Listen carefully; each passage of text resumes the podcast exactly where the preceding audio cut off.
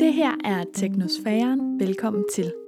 Teknosfæren er alt det, som mennesket har skabt på jorden. Hver en genstand, fænomen og teknologi, vi har opfundet, fører til bunken af ting i teknosfæren. Men selvom vi har skabt teknosfæren, kan det føles som om, vi mister kontrollen med den. For vores verden er fyldt med elektronik, mekanik og maskiner. Nogle gange er de irriterende og påtrængende, andre gange usynlige og næsten magiske. Nogle gange begrænser de os, og andre gange frisætter de os. I den her serie kommer forholdet mellem mennesker og opfindelser på prøve, når programmet svært undersøger, hvordan teknologi påvirker netop deres hjørne af verden. Mit navn er Nana Schmidt Nordeskov, og jeg er producer på podcasten her, og altså ikke verden. Jeg står på sidelinjen, når verden gennem fem episoder udforsker teknologien som en allieret eller en modstander til den kamp, som verden udkæmper i hverdagen. Om teknologien kan hjælpe os med at forbedre miljøet, vores sundhed og meget andet, eller om teknosfæren helt har taget magten fra os. I femte sæson af Teknosfæren handler det om teknologi og menneskekroppen. Her er Daniel Wagner vært. Daniel er professionel paraatlet og kender derfor ikke bare sin fysik, men også teknologien fra sin egen krop. Og han undersøger, hvad der sker, når den teknologiske udvikling overhaler den menneskelige evolution, og stiller spørgsmålet om, hvilken rolle teknologien skal spille i fremtidens menneskekrop. Det her er tredje episode. Nu begynder programmet. Så er vi i gang med, med tredje episode, Nana.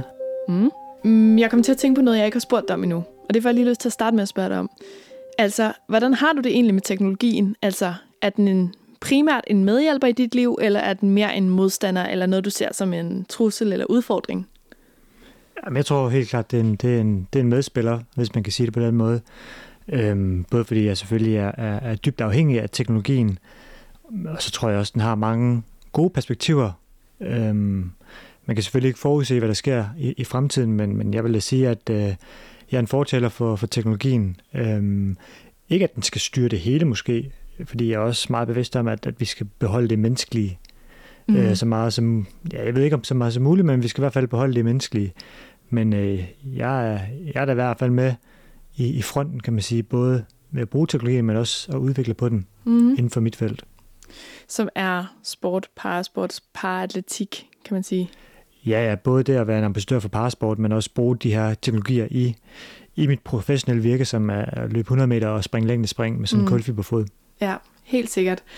I den her sæson af Teknosfæren har vi primært undersøgt, hvordan altså, at, at teknologien kommer på kroppen på en eller anden måde, eller at man via tal lærer sig selv at kende bedre i biohacking.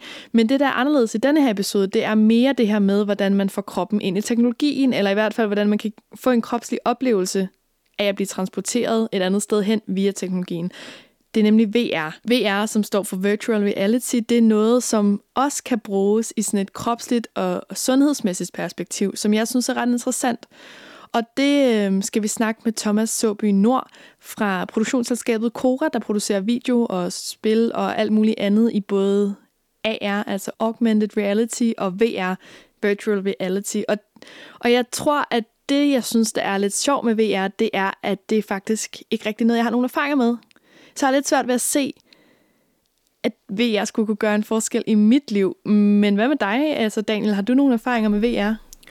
Det er meget, meget basalt. Jeg tror mest, det er nogle computerspil, jeg har prøvet på, på VR, som har været meget sjove og meget realistiske. Altså man kommer i hvert fald til at bruge kroppen, så hvad skal man sige, for et sundhedsperspektiv, så er det da i hvert fald bedre at spille spil på VR, øh, fordi du er mere fysisk aktiv, i hvert fald dem, jeg har prøvet, end at, Mm. end at sidde i en stol. Og så har jeg også prøvet det, hvor det været koblet, koblet op med en, en stol, der kunne bevæge sig, så man nærmest følte, at man, man var i en rollercoaster. Øhm, så ved jeg ikke, om, om det gør, at man så ikke behøver at tage ud i forlystelsesparker og så prøve det i fremtiden, Ja. men, eller om det kan være en, et supplement. Og så har jeg prøvet en gang, hvor jeg også øh, skulle lave sådan teamwork, hvor vi skulle sådan øh, detonere en bombe, så man kunne se VR, og så skulle, så skulle øhm, ens øh, kollegaer, de skulle ligesom læse de der instrukser op, Nå. og man skulle forklare, hvad, hvad der skete med den her bombe her, og så var det på tid, så man, man kunne ikke øh, så stille, fordi ellers så eksploderede den lige i hovedet på en. Øhm, så det var sådan teamwork-baseret. Det var meget sjovt. Men ellers så er mine øh, erfaringer ret begrænsede. Mm, jeg har det meget på samme måde. Det, det her, sidst jeg prøvede VR, det var sådan noget øh, min onkel lånte mig til en eller anden jul med sådan et par ret primitive briller, hvor man sætter sin egen telefon ned, og så ser man et spil, eller her der var det bare, du kunne kigge rundt, og så svømmede der en hej forbi en gang imellem. Ikke? Og det var da helt klart øh, overraskende, sådan, at man lynhurtigt blev man faktisk lidt forskrækket, når den her hej kom forbi, men det var mest af alt bare sjov. Altså sådan lidt en sjov gadget, man kunne tage frem til familiefødselsdag eller jul eller sådan noget. Ikke? Men sådan er det jo ikke længere med VR. Nej, det er det ikke. Det kan bruges på virkelig mange forskellige måder, både inden for sundhed, øhm, og jeg glæder mig til at se på de perspektiver og erfaringer, vi får fra den her udsendelse i dag. Mm-hmm. Men kan du se noget inden for sportens verden, hvor det vil være smart at have VR? Jeg kender ikke nogen konkrete eksempler, men det er måske også, fordi jeg er inden for atletikken, øhm, og hvad skal man sige, det er jo en meget, meget fysisk sportsgren, men jeg kunne da forestille mig, hvis man var en bueskytte, som øh, var lukket ind på et corona-hotel i to uger og ikke kunne komme ud og træne, så kunne man have nogle VR-briller på mm. og, en, mm. og en specielt bygget bue, og så kunne du stå inde øh, på hotelværelset måske og, og, og træne med en bue og pil, hvis den var så præcis. Øh, det kunne da være meget smart ja. i de tider, vi lever i i dag. Mm.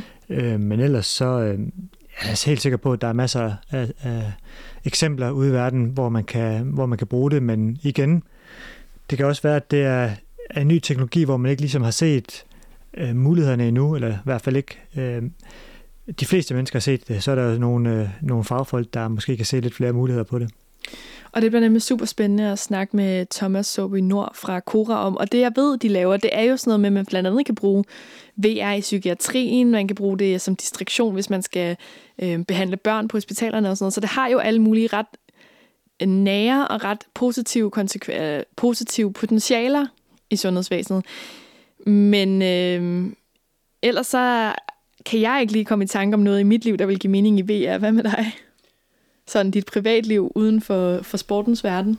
Ja, hvis jeg skulle være kreativ, jeg har hørt om en, der på et tidspunkt øh, gerne vil lave noget øh, VR inden for foredrag, fordi han holdt rigtig, rigtig mange foredrag. Han kunne simpelthen ikke fysisk være til stede til dem alle sammen, så mange Nej. han gerne ville. Nej. Øhm, så derfor havde han en tanke om at, at ligesom kunne sende nogle VR-briller ud, og så kunne, man, så kunne han stå inde i hans værelse og så holde foredrag Øhm, og så ville det stadigvæk føles som om, at han, han var der fysisk, så det kunne da være meget smart, øh, især også under de her coronatider, hvis man vil have et, et møde, der skulle virke lidt mere livagtigt. Øhm, og det er der selvfølgelig både nogle fordele, men måske også nogle, nogle konsekvenser af at gøre det på den måde. Øh, men jeg tror, man, man bliver bare nødt til at være kreativ, øh, og så øh, tænke ud af boksen, så skal der nok være masser masse muligheder. Og altså, jeg tror, at det, som jeg står og siger om VR lige nu, er der 100% også nogen, der har sagt om en smartphone for eksempel. Dengang en smartphone var noget, helt nyt og meget eksklusivt, eller en mobiltelefon i det hele taget. Ikke? Øh, og måske er VR stadigvæk lidt det nu, men det kan være, at den ikke bliver ved med at være det. Så øh, det, det glæder mig vildt meget til. Men noget, vi skal, før vi skal snakke med Thomas, det er, at du skal prøve noget af det VR, de har inde hos Cora. Det glæder mig virkelig meget til. Det er lang tid siden, jeg har prøvet noget VR-udstyr. Jeg tror, det de har, det må nok være noget rimelig high-tech noget. Mm-hmm. Så jeg tror, jeg er jeg skal nok være inde for, for et treat, for en, for en oplevelse ja. her. Det glæder mig til at se, hvad der sker. Ja, lad os lige, øh, lad os lige gå videre med det.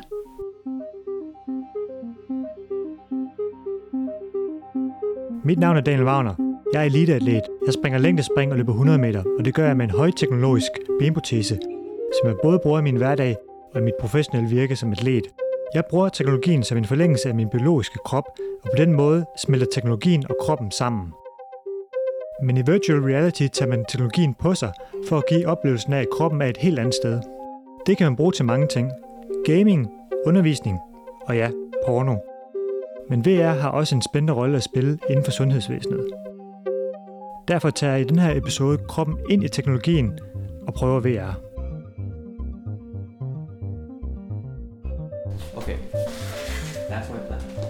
To stand here. I put the head, headset on. Vi står i Koras lokaler i Kødbyen i København. The experience is that you walk into the elevator, you can go to the roof, and then you can walk on the plank. Yes. Okay. Yeah. Daniel har fået et uh, ret avanceret VR-headset på. Og om lidt skal han gå planken ud. Here we go. I'm gonna give you a controller. Do you see the controller? You, uh, you, there's a button says plank. You can just tap the controller on the button. Han skal bare lige finde knappen i den virtuelle elevator. Not doing anything. Uh, just uh, you have to go uh, closer. Yeah, here we go. I'm just gonna take the controller.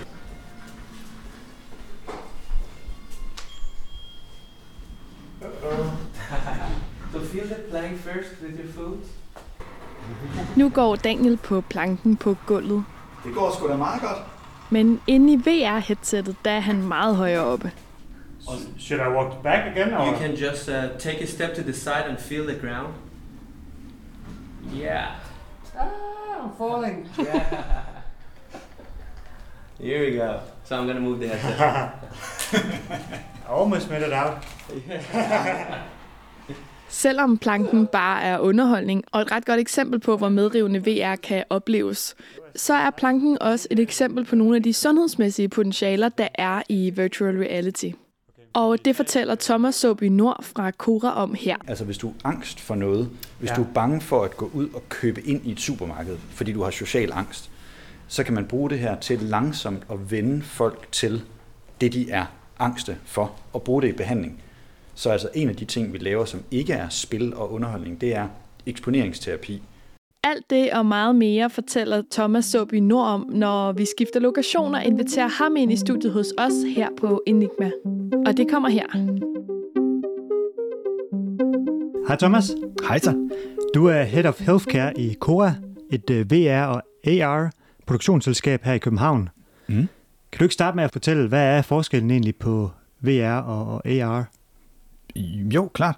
Altså, øh, VR, virtual reality, er ligesom, hvor man er fuldt omsluttet af en digital verden.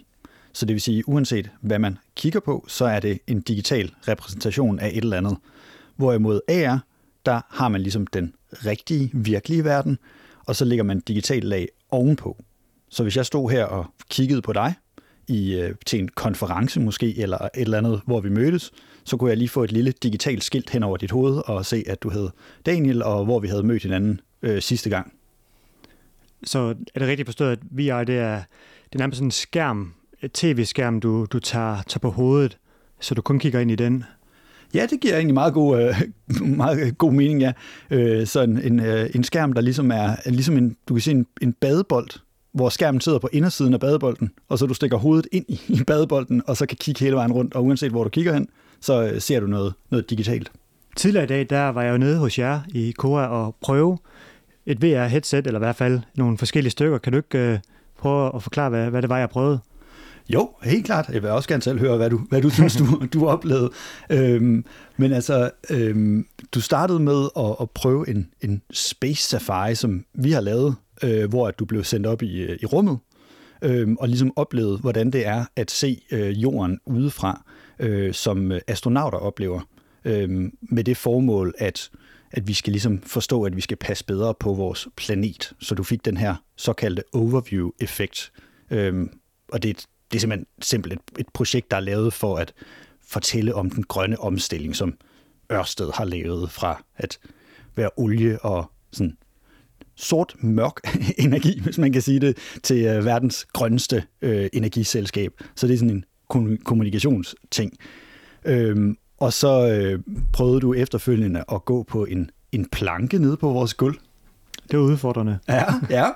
Og øh, det skulle man nærmest ikke, ikke tro, fordi du gik egentlig bare på gulvet. Der var, det var godt nok på en planke, men øh, hvad så du, når du, øh, når du Ja. tog headsetet på? Jamen det jeg selv oplevede, det var, at øh, først gik jeg ind i en elevator, så det var meget øh, virkeligt. Man havde både høretelefoner på, og selvfølgelig de her VR-briller, øh, som man følte, at man var i en helt anden verden. Så jeg gik op i den her elevator, og kom højere og højere op, og så da elevatoren åbnede sig, så det eneste, der var ud fra elevatoren, det var, det var en planke, en meget smal planke, øhm, og den skulle jeg så gå ud på, og jeg kunne ikke se min, øh, jeg kunne ikke se mine ben. Øhm, og så det, der var i den virkelige verden, det var, at jeg var selvfølgelig bare på et gulv, men så havde jeg lagt en, en planke, en planke der, der mindede meget om, om den planke, jeg skulle gå på i VR-verdenen. Så det føltes som om, at man, man gik op i luften, øhm, og så var der meget, meget langt ned, så folk med højdeskræk, de, øh, jeg tror, de ville begynde at svede. Øhm, og så var udfordringen ligesom at gå hele planken ud, uden at, uden at træde ved siden af. Øhm, jeg ved ikke, om det var, fordi jeg sådan sportsmand og sportsfokuseret, men, men jeg tænkte bare, at jeg skal bare have fokus på den her planke her, så jeg kiggede faktisk ikke ret meget ned, før jeg var helt for enden af planken. Øhm, men da jeg gjorde det, så kunne jeg se, at der var langt ned, og så jeg trådte et skridt ved siden af, så, så faldt jeg ja. hele vejen ned. Øhm, så det var meget virkelighedstro, man fik sådan helt sug i maven. Ja. Øhm, så det var, det var meget underholdende, men kan du ikke, øh, kan du ikke prøve at forklare, hvorfor er det så virkelighedstro, når jeg, når jeg prøver den simulation? Jamen altså, lige den oplevelse, du prøvede der, det er sådan meget en klassiker. Der er rigtig mange der har prøvet den, øh, og det er noget, som vi kaster mange, der kommer ned i vores øh, butik eller showroom ud i, fordi den virkelig viser det der, som VR kan, altså snyde hjernen og snyde sanserne. Fordi når du tager brillerne på, så overtager vi ligesom din, eller teknologien overtager din, øh, din visuelle sans. Du har også nogle høretelefoner på, øh, sådan at du hører vinden suse, og du hører en helikopter, der kommer flyvende uden for bygningen. Så din, øh, din høresans bliver ligesom også snydt til, at du tror på, at du står heroppe. Og så sidst men ikke mindst, så er der den her øh, planke på gulvet, som faktisk påvirker din balance. Det er ret svært at stå der, øh, og man får ligesom den der virkelig, nu skal jeg måske dø. Fordi altså, øh, der er 70 meter ned, og hvis jeg falder her, så er der folk, der bliver så bange, at de altså, begynder at svede og ryste og blive meget, meget angste. Og det er det der med, at vi ligesom kortslutter det der loop i hjernen og stjæler nogle af sanserne. Og så øh, er det vores sådan helt primitive centre i hjernen tager over og siger, shit, jeg skal dø. Ja, jeg prøvede også et, øh, en tredje simulation, hvor jeg faktisk endte med at være en dame, der havde tre arme. Kan du, hvad gik det ud på? Jamen, altså, det er en, der hedder Jer- uh, Jeremy Balinson fra Stanford uh, Universitet, uh, som har uh, forsket rigtig meget i VR i, i lang tid. Øh, og det, du prøvede, var sådan en simulation af, hvad det er, øh, VR kan gøre ved vores sanser og vores sans for empati for andre mennesker eksempelvis. Så øhm, det du oplevede var blandt andet at være i en, jeg tror du startede med at være i en gammel mands krop og stå øh, så dig selv i spejlet som en gammel mand og blev bedt om at vifte lidt med hænderne.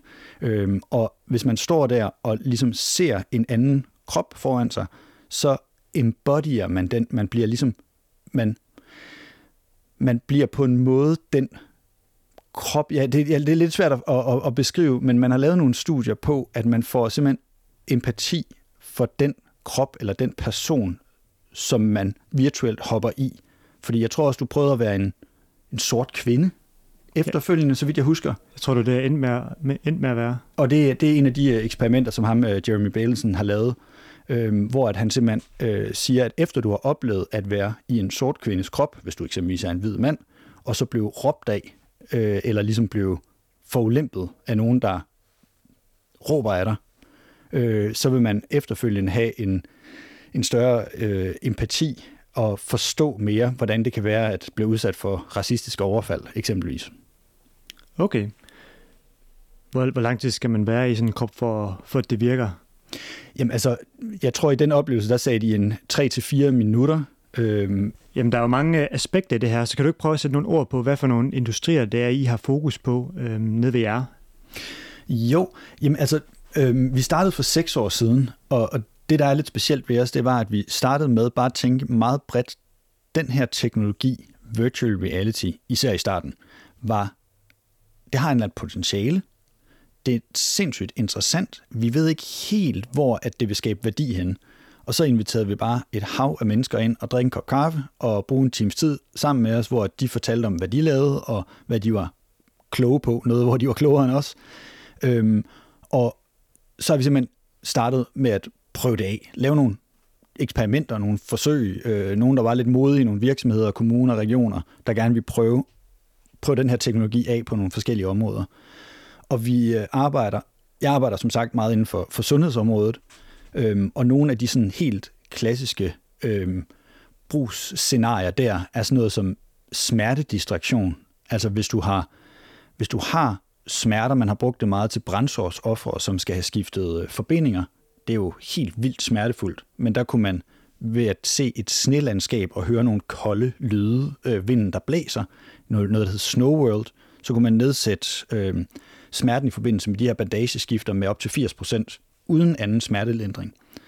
Og der øh, blev vi så kontaktet af en overlæge op fra Rigshospitalet, som sagde, kunne man måske bruge det, når børn skal have lagt drop eller have taget en blodprøve.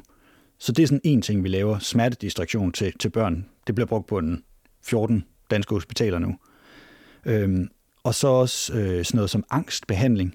Hvis du er bange for at handle eller køre i bus, så har vi simpelthen lavet eksponeringsterapi, hvor du kan være i de situationer under kontrolleret forhold, og så sammen med en, en psykolog simpelthen blive udsat for det, du er angst for, og så vende, hvad kan man sige, nervesystemet, træne de situationer Øhm, men det kan mere eller mindre være alt, hvad du overhovedet kan komme på. Altså vi laver moderne kunst i VR, vi øh, laver marketing, hvis du skal ud virtuelt og køre i en ny bil, en ny, den nye Suzuki, så kan du komme ud med en stunt øh, chauffør og, og køre bil øh, ud hos bilforhandleren, før du kører rigtigt. Øh, du kan sælge øh, lejligheder i Carlsbergbyen, hvor du kan se, hvordan udsigten er fra 21. etage. Øh, vi laver trænings, rigtig, rigtig meget træning, øh, og det vil sige simulationstræning. En elektriker på et eller andet tidspunkt skal du også stoppe mig, fordi vi har lavet 330 projekter, øh, så jeg skal nok ikke løbe dem alle sammen igennem, men altså hvis du skal træne, hvordan du øh, reparerer et sikringsskab, mens der er strøm i det, så kan du simpelthen træne det i VR, uden at du dør, hvis du laver en fejl. Øh, så altså simulationstræning af, af farlige og besværlige situationer er også et stort område. Altså, det giver helt klart mening for mig, at øh, man bruger VR i sundhedssektoren for at kunne behandle, øh, eller smerte lindre, kan man sige, fordi det lyder også sådan relativt harmløst og, og ret nemt at snyde, snyde hjernen på den måde. Men er der andre sådan sektorer, inden, øh, som, som virkelig har, har stort potentiale i forhold til VR? Nu nævnte du selv det her med, at man kan komme ind og køre en bil med, med VR, eller se en lejlighed med VR, men kan man ikke lige så godt bare tage ind til lejligheden og se den øh, helt almindeligt? Jo, øh, det kan man godt, men det, men det fede er ligesom, lad os nu sige, at du skal købe en ny lejlighed. Øhm, øh, så går du ind til ejendomsmaleren, og så øh, har du, du, du vil gerne bo i Aarhus. Øh, men så kan du lige se virtuelt, måske 10 forskellige lejligheder, besøge dem med et, øh, et sæt VR-briller, og så øh, kan du gå ud og besøge dine to favoritter i virkeligheden. Så det er ikke noget, der skal erstatte virkeligheden. Jeg vil aldrig det tror jeg ikke, der er så mange, der vil måske købe en lejlighed til flere millioner, baseret på en, øh, en VR-oplevelse. Jeg, jeg ved faktisk, det er sket øh, adskillige gange, men det vil mere være det der med at gøre noget lettere, ligesom hvis du er turist og kommer til en ny by, så kan du øh, på turistkontoret inde ved over for Tivoli, tror jeg, her i København, øh, prøve sådan en virtuel tur rundt i København, besøge de fem mest berømte attraktioner, øh, virtuelt, og så tage ud og besøge dem i virkeligheden bagefter. Øh, få en lille smagsprøve. Nu er jeg jo selv øh, eliteatlet og dyrker, dyrker sport, atletik, øh, løber 100 meter og springer længdespring med en, med en protese. Mm. Øhm, jeg har, for at være helt ærlig, ikke rigtig set VR inden for det felt, jeg arbejder med, i hvert fald atletik, men er der nogle eksempler, hvor jeg som, som eliteatlet kunne få gavn af VR i form af min træning eller forberedelse på, på nogle måder? Jamen altså, inden for sådan individuel sport, øh, det vender jeg lige tilbage til om et øjeblik, men jeg ved i hvert fald, at inden for holdsport, hvor man ligesom skal analysere et, et spil inden for enten almindelig fodbold eller amerikansk fodbold, der bliver brugt rigtig meget øh, VR til at analysere øh, forskellige af de her, sådan, jeg hedder det plays, man har i sin playbook, øh, hvor man ligesom kan lægge en, en strategi, øh, orientere sig rumligt, så hvis du ligesom er, jeg har ikke særlig meget forstand på amerikansk fodbold, så nu råder jeg mig ud i noget, men hvis du er quarterback og ligesom øh, får bolden og skal aflevere den, så kan du ligesom stoppe tiden i VR øh, og, og simulere forskellige spil inde i, øh, inde i oplevelsen. Øh, og det fungerer langt, langt bedre øh, rumligt med et, et VR-headset på, end bare en almindelig klassisk øh, videoanalyse. Men muligvis kunne der også være noget, øh, hvis der var en VR-oplevelse eller simulation af dit tilløb, spring, afsæt. Jeg kender ikke så meget til, til din øh, sport, men det her med at have en rumlig, bedre rumlig forståelse af, hvad det er, der foregår, hvornår ting sker, øh, kunne måske give noget. Øh, men ellers så vil det nok primært være motiverende, øh, hvad hedder sådan noget, øh, altså fysisk træning, hvor at hvis du tager VR-brillerne på og laver boksetræning, konditionstræning, eller laver squats, eller skal lave et eller andet styrketræning, øh, så har jeg i hvert fald selv lavet eksempelvis boksetræning derhjemme, og det var langt mere motiverende, end bare at stå og gøre et eller andet, tage nogle armbøjninger eller sådan noget. Så det kan gøre motion sjovt.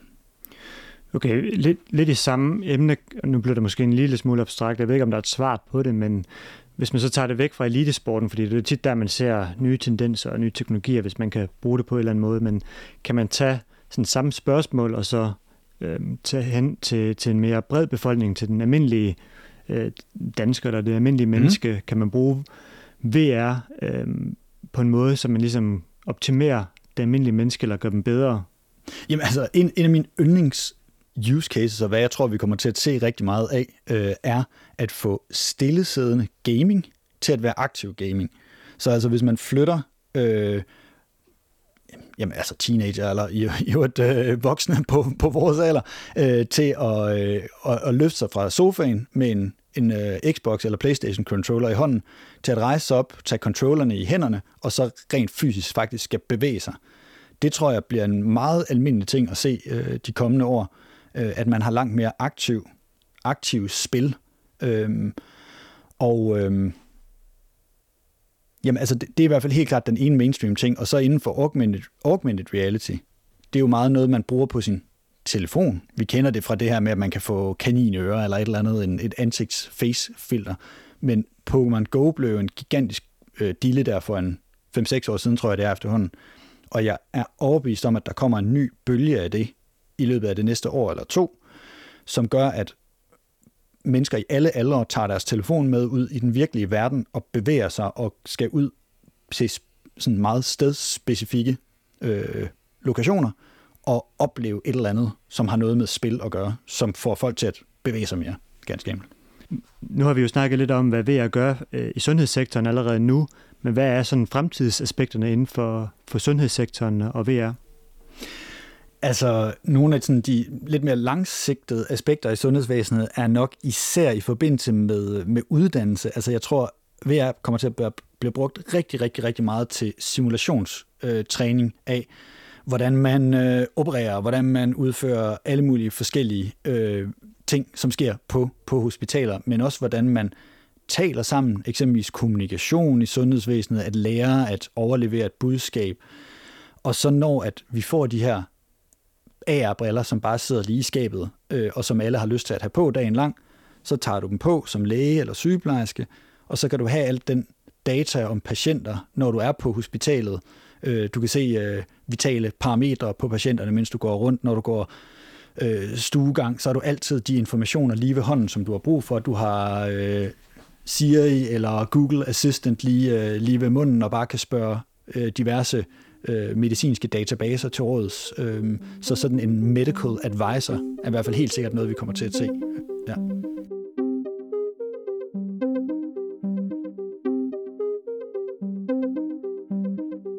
Altså, øh, når man snakker om VR, så, så ender man altid med at sammenligne det med det, man ser i filmen Ready Player One fra 2018, øh, som er sådan en total sci-fi fed, fuldstændig gennemgribende VR-univers, som de alle sammen befinder sig inde i. Ikke? Øhm, mm, selv efter det, jeg så i dag, nede hos Cora, som var ret fedt, har jeg lidt fornemmelsen af, at der er lang vej til Ready Player One. Mm, kan du ikke prøve at spørge ham, altså, hvornår når vi derhen, og, og bliver det nogensinde så fedt eller dystopisk, som det gør i filmen? Jamen, det vil jeg lige høre ham om, fordi at det var meget immersive, det her VR, og, og man blev hurtigt fanget af det, og jeg kunne godt forestille mig, at hvis man fik sådan en verden som den, der er i Ready Player One, så var det svært at komme ud af den. Så jeg skal lige høre om, hvornår det kommer til at ske, og hvad de konsekvenser så vil være. Ja, og mås- ja, præcis. Måske er der også en grund til, at vi ikke skal derhen. Måske er det fint nok, at VR ikke bliver helt så sindssygt, som det er i Ready Player One. Men gør det det? Uh-oh. Ja, fordi vi har ligesom hørt om, om VR i, i mange år, og jeg tror, der er mange, inklusive mig selv, der ligesom regner med, at det skulle være den næste store ting og den næste store bølge.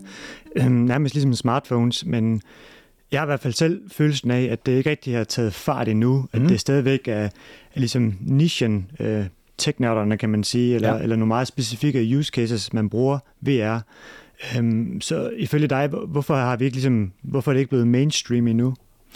Jamen altså, øhm, jeg har næsten den samme øh, samtale med nogen hvert år, og det er sådan lidt, øh, det, har været, det har været det samme spørgsmål for fem år siden, og for fire år siden, og for tre år siden, og jeg hører bare om flere og flere og flere, som har et VR-headset derhjemme, eller deres kammerat har et, eller deres onkel har et, og de har, der er flere og flere, der har prøvet det, der begynder at købe det, og det, det spreder sig, og den der helt mainstream, at man har et VR-headset i stedet for en Playstation, den har vi ikke opnået endnu, men den, altså, det, øhm, det tager tid at udvikle både meget, meget, meget avanceret hardware, selve udstyret, men også at udvikle software, som er sjovt nok til, at det er sjovere end FIFA eller Call of Duty eller nogle af de her bestsellere, som øh, hvad kan man sige, den almindelige gamer øh, går til.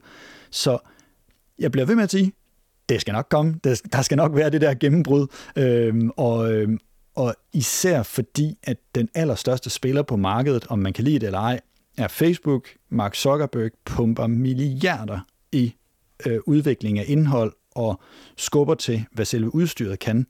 Øhm, og når han normalt sætter sig noget for, så kommer der til at ske øh, ting. Ja. Fordi før øh, vi skal nok lige komme forbi omkring øh, Facebook, men først skal vi lige snakke lidt om, øh, om filmen Ready Player One mm-hmm. øh, fra 2018, som er en film, hvor øh, det er sådan en dystopisk verden, de lever i. Den er grå og kedelig, og alt er faldet fra hinanden, men de lever nærmest i den her virtual reality-verden, hvor man bare kan, kan gøre alting. Du er simpelthen din egen avatar, du kan designe din egen spiller. Øhm, og der går du nærmest på sådan et, et løbebånd, så du går og, og kan bevæge dig. Du kan være Batman og klatre et bjerg og, og køre biler og alle mulige ting. Mm-hmm.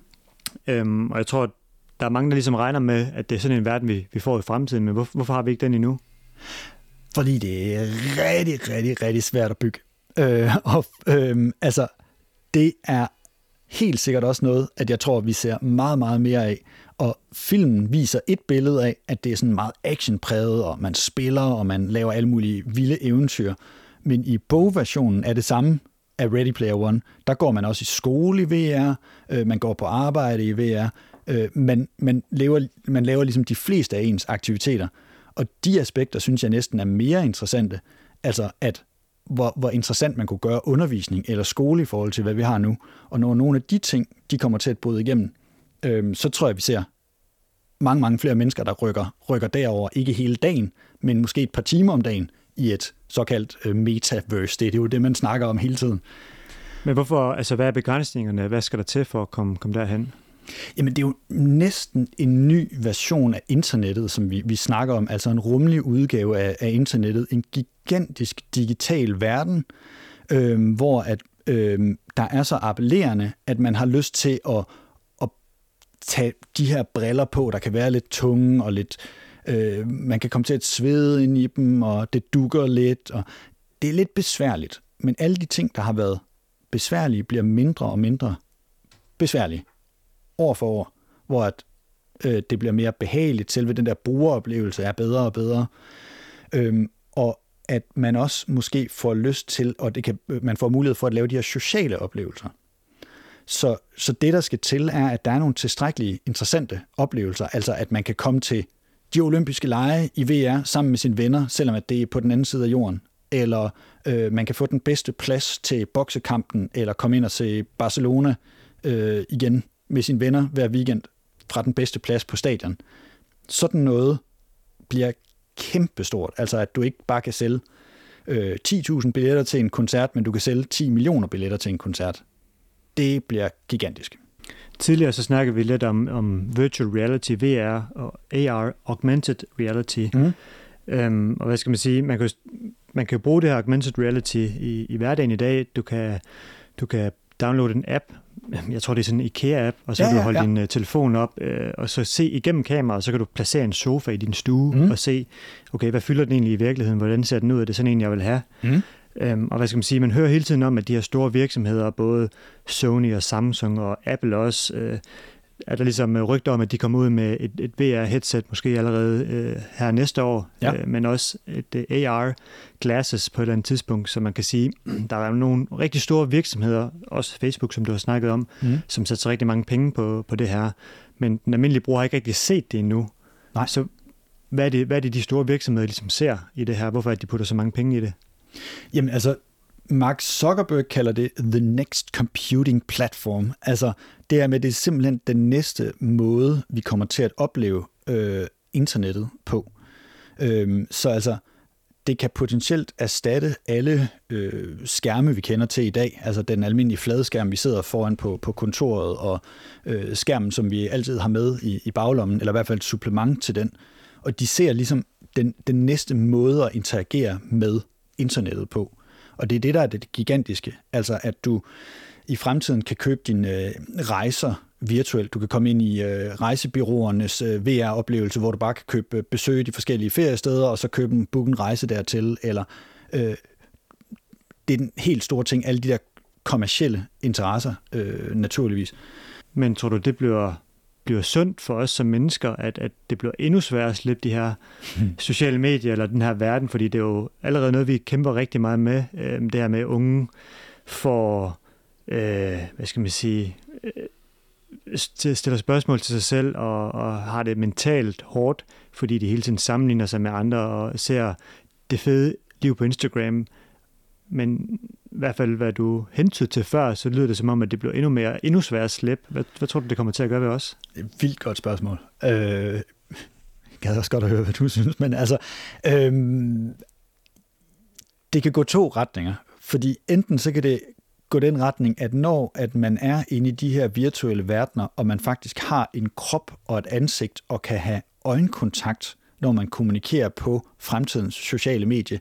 Altså vi kunne være inde i en oplevelse sammen. Jeg vi aldrig have mødt dig før, men hvis vi mødte hinanden i citationstegn på Facebook, så øh, er det måske lidt lettere at bare skrive et eller andet dumt og, og trolle den anden og skrive negative ting. Hvorimod at i VR, i de, de fremtidige sociale VR-verdener, der vil du være til stede. Du kan ikke bare sige, kæft du er dumt svin. Eller det, det kræver i hvert fald lidt mere øh, at gøre det over for en person, som faktisk kan svare igen med det samme og har et kropssprog osv. Øhm, og det er der, hvor jeg tror, at det kan styrke oplevelsen og gøre det mere menneskeligt, selvom det lyder mærkeligt, det skulle blive mere menneskeligt, når det bliver mere digitalt. Øh, men der kommer en, øh, en, en mindre barriere mellem, mellem mennesker. Men selvfølgelig den negative del, det kan være, at øh, vi kommer til at leve for meget i den digitale version af virkeligheden. Øh, Øh, og, og vi snakker meget i VR om real reality, RR, øh, som man ligesom rigtig meget skal huske, og hvad er det, øh, man skal tænke og opleve, når man tager brillerne af. Det er det vigtigste. Altså, du skal tage brillerne på for at få en eller anden oplevelse, for at lære et eller andet, og når du tager brillerne af, så skulle du gerne have ændret syn, eller have lært noget, eller oplevet noget, der skaber værdi for dig. Ja, for det er jo meget immersive allerede nu, bare til de her briller på og med, med lyd. Øh, men noget af det, ved jeg ikke kan, i hvert fald lige nu, det er at give fornemmelsen af at, at mærke ting. Mm.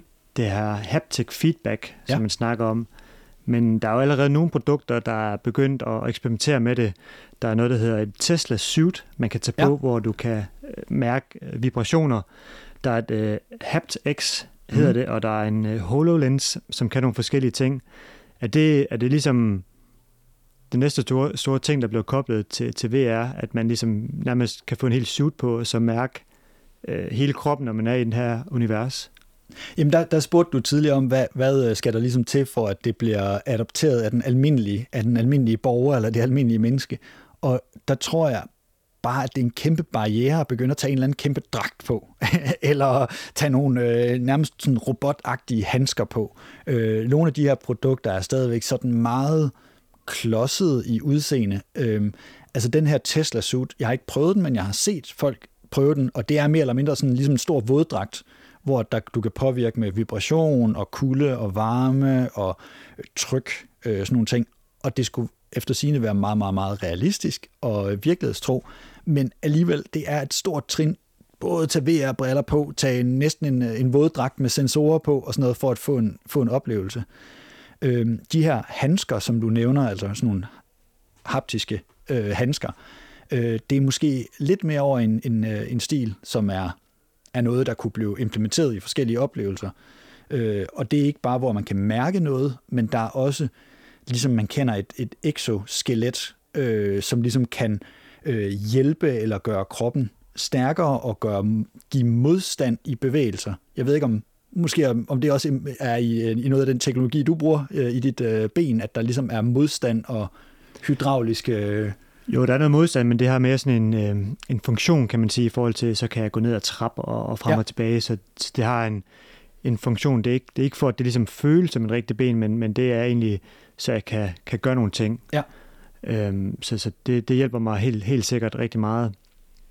Øhm, nu prøvede jeg også en sidste ting nede ved jer, ja. og det var sådan et spil, hvor jeg faktisk ikke behøvede at have en controller i hånden. Ja. Øhm, og så skulle jeg bruge mine hænder rigtig meget, og så var der et kamera på selve VR-linsen, der, der kunne se mine hænder og kunne se, hvad jeg gjorde med dem. Ja. Og bare det at slippe sådan en controller, det, det gav endnu et lag af immersiveness. Altså, Ja. så, så jeg havde sådan nogle blæksprutte hænder på et tidspunkt, Ja. og man kunne bare se på mine bevægelser, det blev sådan helt sloppy og øh, blæksprutteragtigt. Ja. Og så havde jeg også nogle Wolverine-hænder, øh, og så blev det meget mere øh, hvad skal man sige, aggressivt og, og, og sådan nogle slag, jeg nærmest slaget, øh, fordi jeg følte mig som Wolverine nærmest. Ja. Øhm, og det var noget, jeg gjorde uden at tænke over det. Så jeg kunne da forestille mig, hvis man havde sådan nogle handsker på, øh, så, ville det, så ville man næsten ja, tro på alting, man, man fik øh, vist i, i en VR. Ja, klart. Og, altså, og der er nogle gange, hvor det giver mening, det der med at ikke have noget i hænderne, og bare have det der hand-tracking, hvor at man bruger sine almindelige bevægelser med hænderne. Men nogle gange, hvis du skal have et, øh, hvis du spiller et, et skydespil, så kan det føles meget mere realistisk at holde noget i hånden, hvor du føler, at du holder en pistol eller et våben i hånden og skyder med, frem for at du bare forestiller dig, at du rækker hånden frem og lader, som om du holder noget i hånden. Det, det føles mærkeligt. Øh, så det kommer simpelthen an på, hvad det er for en oplevelse, du laver. Altså det allerfedeste eksempel er at fyre trylleformularer af med hænderne. Altså simpelthen, øh, det, det kan man jo se fra øh, sådan Harry Potter og sådan noget. Altså hvis du har noget i, i hånden og lader, som om du har en tryllestav, øh, og, og laver gestures ud i luften, og så fyrer, kaster med ildkugler eller lignende. Det er en ret fed fornemmelse.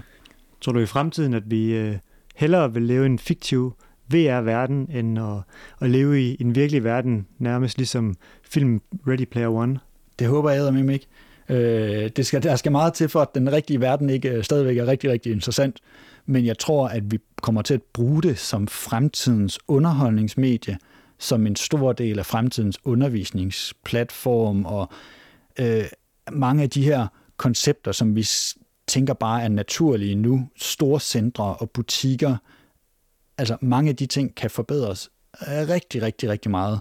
Online shopping har været det samme i 20 år, hvor du, hvis du skal købe en flaske vin på nettet, så kan du læse en beskrivelse af, hvordan vinen er, og du kan se et billede af den. Det er sådan næsten det vildeste, du kan opleve.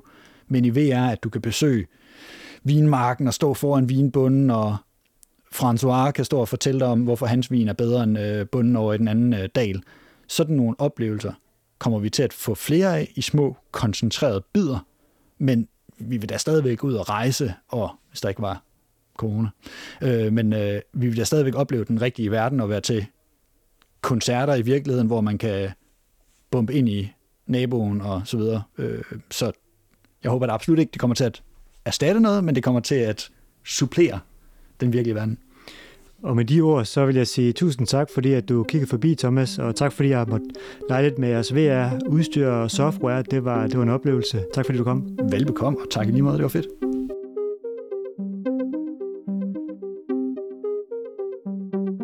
Det var noget af en oplevelse. Det må man sige. Du prøvede lidt mere, end jeg gjorde. Jeg prøvede den her rumrejse, som du fortalte om, nede hos Cora, inde i Kødbyen, og det synes jeg faktisk var enormt fedt. Ja, det var, det var noget af en oplevelse. Så skulle du prøve den her planke her. Det var, Ja. Der fik man svedt i håndflader. Ja, som vi snakkede om før øh, i starten af den her episode, var jeg sådan, er jeg sådan lidt med so and so for VR, men bare efter to minutter i den der rumrejse, så var jeg sådan, det var sgu fedt, det vil jeg sgu gerne prøve igen. Ja, man kan godt mærke, at den har, den har nogle kræfter, sådan VR, øh, når man får det på og får, får de rigtige programmer. Så jeg tror også, det er noget, der kommer til at, at blive større i fremtiden. Jeg er også sådan lidt øh, stadigvæk, ikke tvivle, men undrende over, hvornår det ligesom virkelig tager fart, øhm, og hvornår det bliver lidt mere mainstream, om det ja. bliver det her VR eller AR. Vi kommer til at se, men jeg tror i hvert fald, der kommer mere og mere, og det har i hvert fald nogle rigtig spændende fremtidsudsigter. Det må man sige, men har du ændret mening i forhold til det? Altså både enten personligt eller i forhold til din sport? Altså, jeg tror ikke, jeg kommer til at bruge det selv, som det er lige nu, Nej. øh, personligt, og jeg ved ikke i min sport, nu prøver han at beskrive længdespring, hvordan man kunne gøre det i, sådan et 3D-rum, men det der er udfordringen ved længdespring i, i kontra sådan noget som amerikansk fodbold, hvor man skal gribe en bold, det er, at længdespring det går så ufattelig hurtigt, at, at du, det er ikke en det er ikke et spring, du laver, det er mere, at du løber hen, og så står du nærmest bare imod, fordi der er så mange kræfter, det går så hurtigt, så, så det, er mere en, det er mere en følelse end et reelt hop, kan man, kan man mm. snakke om. Så jeg tror, der, der bliver nogle udfordringer der, men altså, hvem ved, det kan være, at der kommer nogle reaktionsøvelser, eller et eller andet måde, jeg kan gavne af det i, i, på, i sporten, og så må vi se i det personlige liv, det kan godt være, at lige pludselig, så ligger der et VR headset under, under juletræet. det er hermed noteret til dem, der skal købe julegaver til dig. Øhm, jeg synes, det er fantastisk, at man kan narre hjernen på den her måde. Altså ret smart, og også lidt, hvor er vi egentlig simple, ikke? Så man godt ved, at det ikke er farligt, så får man alligevel faresignaler i kroppen. Jo, jo, bare sådan en simpel ting, som jeg prøvede et headset, hvor jeg havde sådan nogle controller i, og skulle bruge dem som knapper og sådan nogle ting. Men så fik jeg et headset på, hvor jeg ikke skulle have en controller i hånden og kunne se mine hænder, og der var den simulation så også meget håndbaseret, kan man sige, men, ja. men det gjorde virkelig meget ved den måde, jeg bevægede mig på, uden jeg selv lagde mærke til det. Og hvad skal man sige, det er jo bare de små baby steps, synes jeg stadigvæk nu her. Og hvad gør man så, hvis man får nogle handsker på, der virkelig giver dig følelsen af at have en pistol i hånden eller ja. et eller andet, ja. hvor, hvor immersive de her spil kan være, og hvad man så også skal bruge det inden for sundhedssektoren og alle mulige andre ting. Det, øh, det tror jeg virkelig, at, at det, bliver, det bliver fedt. Ja, det var jo nogle ret vilde projekter, øh, som Cora og Thomas Soby Nord havde gang i inden for sundhedssektoren, altså brændsårsoffre, der blev smertereduceret med op til 80 procent ved at se noget koldt og høre lyden af, af sådan øh, en vinterstorm. Det er jo fuldstændig vildt. Ja, det er også en, en ret nem måde at lige pludselig 80% smertelindrer folk, uden at de behøver at have noget medicin mm. eller andre ting. Så på den måde synes jeg, at det der er helt fantastisk, og jeg tror, der kommer mange flere eksempler af lignende grad i fremtiden. Man skal bare finde dem først, og ja. det var også det, de var i gang med. De kastede en masse forskellige bolde op og havde en masse forskellige projekter, og så må vi jo se, hvad der giver mening. Ja. Super fed tilgang til det. Nu er vi lige over halvvejs i denne her sidste sæson af Teknosfæren. Hvad skal du næste gang? Ja, næste gang der skal vi kigge på nanoteknologi og noget, der hedder mikrorobotter, som er meget små øh, robotter, ja. og vi skal finde ud af, hvad de kan gøre, øh, hvordan de kan gavne os, øh, hvor langt er vi med udviklingen, er det noget, vi allerede har i hverdagen i dag, øh, og hvad kan, hvad kan de gøre os for fremtiden. Så det bliver meget kompliceret, tror jeg. ja. Lidt sci-fi-agtigt, ja. og så må vi se, om vi kan følge med. Okay, helt sikkert. Det her var tredje episode i femte sæson af Teknosfæren, der også bliver den sidste sæson. Daniel Wagner var vært, og i redaktionen sidder Anton Gade Nielsen, Martin Johansen og jeg selv. Jeg hedder Nanne Schmidt Nordeskov.